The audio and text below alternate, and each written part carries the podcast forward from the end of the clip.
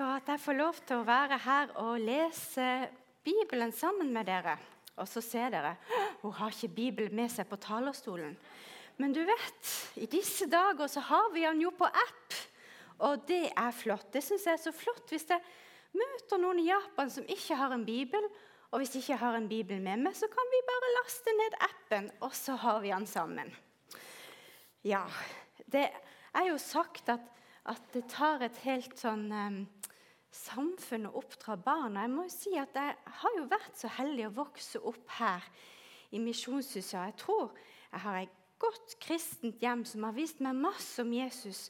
Men det er noe med å ha ei hel kirke der man kan se mange eksempler på hvordan et kristenliv er. Så det er jeg veldig takknemlig for å kunne ha fått vokst opp her.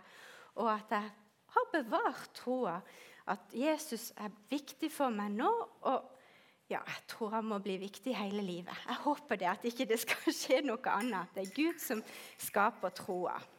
La oss eh, be. Kjære himmelske Far, jeg vil takke deg for dette fellesskapet som har betydd mye for meg når jeg er liten. Og Jesus, du ser at det er barn her også nå. Ber om at de også må bli bevart fra nå helt inn i voksenlivet. I Jesu Kristi navn. Amen. Jeg skal tale over en annen tekst enn det som er leseteksten for i dag. Og det var jeg glad for at jeg fikk anledning til. Og jeg syns det er godt å lese en bibeltekst i sammenheng, og så se på den sånn hva, som, hva, hva man har å lære av den. Nå er jo jeg ingen teolog, men jeg opplever at når man leser en hel bibeltekst, så er det alltid noe å lære den i sammenheng. Og det er det jeg har lyst til å dele med dere. En bibeltekst som har lært meg noe. Og jeg har satt som overskrift at 'den store troen, den gir ikke opp'.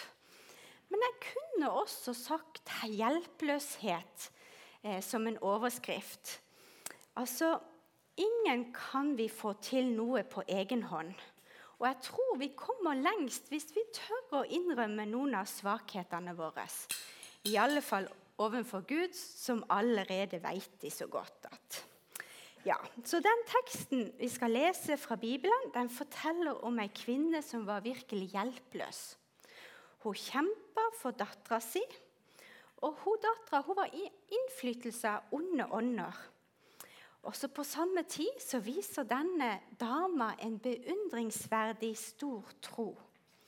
Så da tar vi og leser, og vi kan reise oss opp, sånn som vi gjør her i Misjonshuset.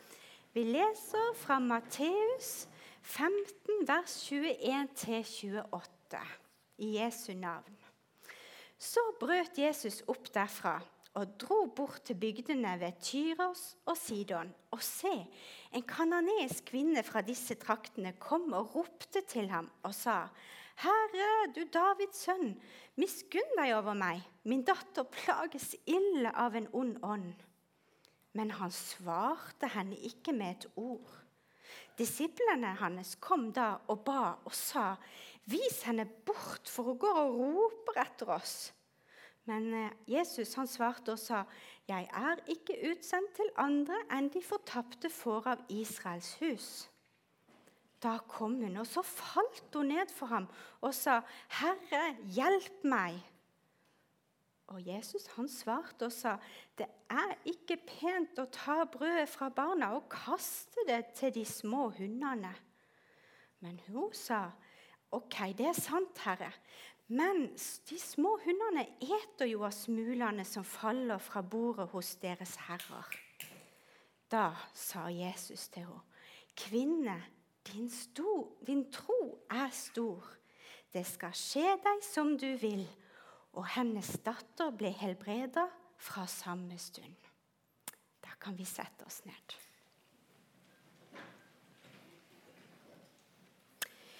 Ja, denne kvinna hun hadde egentlig nesten alt imot seg. Hun bodde i det gamle området som heter Fønikia. Og det har jeg forstått er liksom der Libanon er. Altså nord for Israel, langs kysten der. Og der var det ikke mye av tro eller gudsfrykt. Og det visste jødene. De likte ikke, de forakte folk som hun.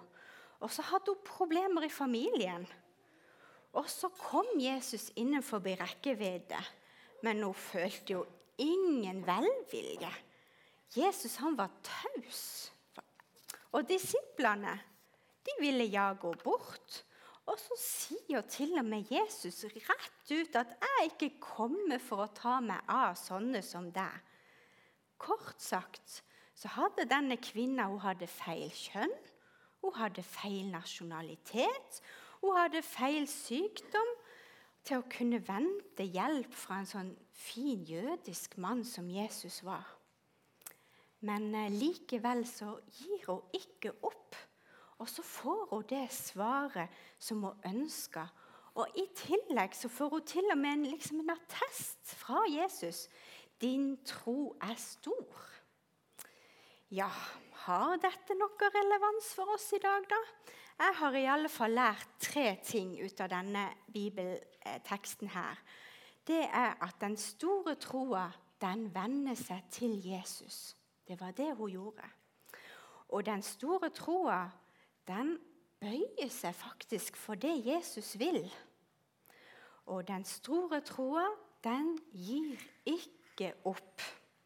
Så nå har jeg tenkt å si litt om, om, disse tre tingene som jeg har lært av denne bibelteksten. Og Da begynner jeg med dette at den store troa den vender seg til Jesus.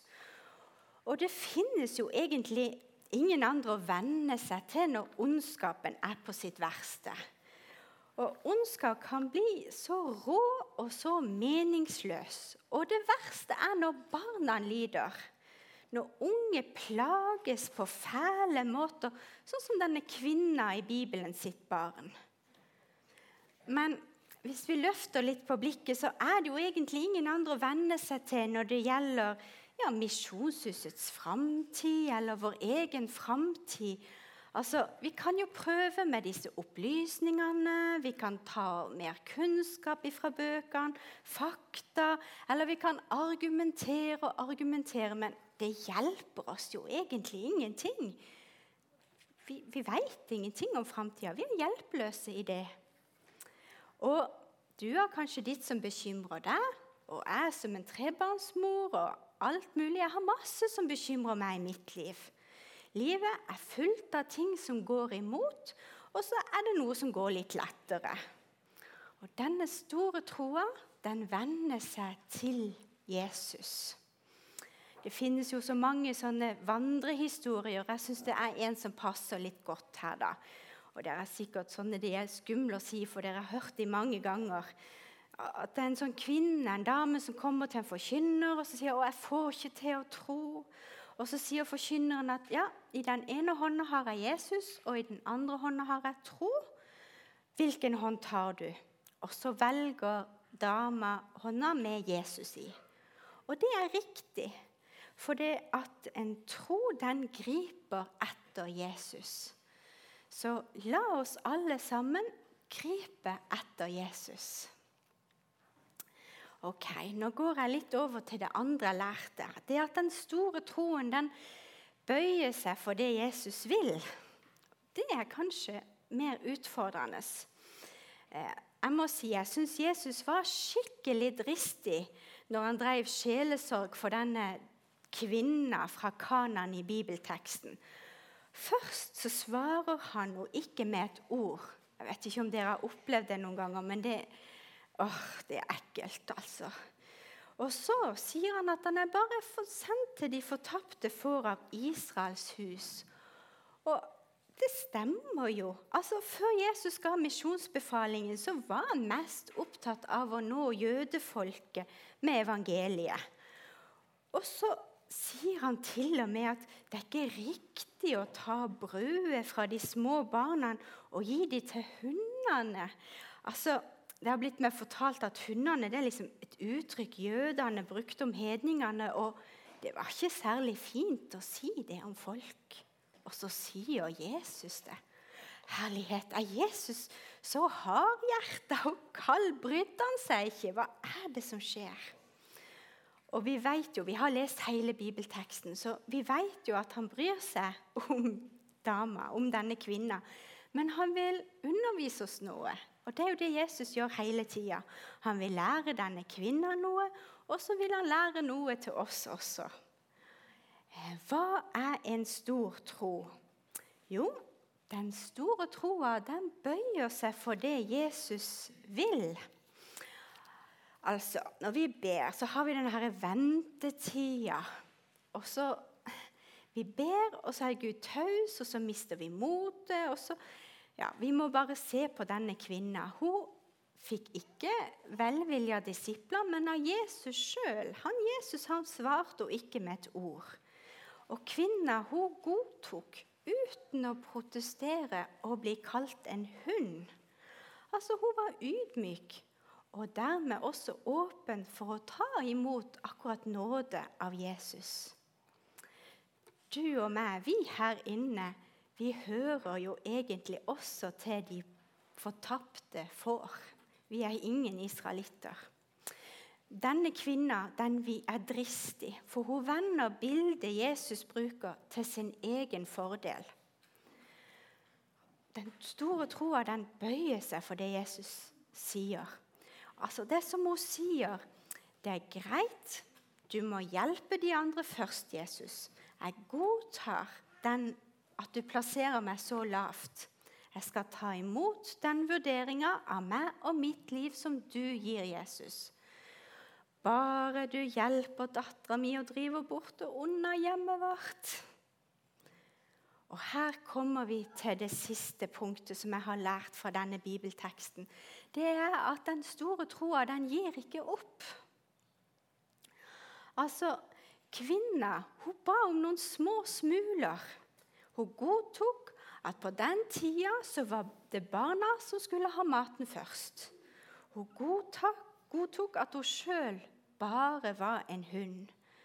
Men hun mintes om at når barna spiser på kjøkkenet, så er alle hunder glade. For det blir alltid litt søl på gulvet som de kan slikke opp. Barna de blir i alle fall mette. Det er så denne dama sier om jeg ikke er et barn, så gi meg i det minste de rettighetene som en hund har, da, Jesus. Og han Jesus han beveger seg i grenseland denne dagen. Og han bryter tidsskjemaet òg.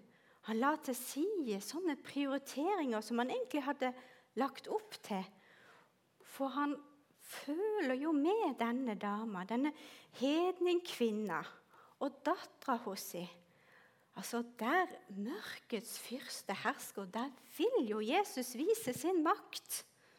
Og Derfor så har han også medfølelse for oss, alle oss hedningene her i Norge, med oss her i Misjonshuset i dag.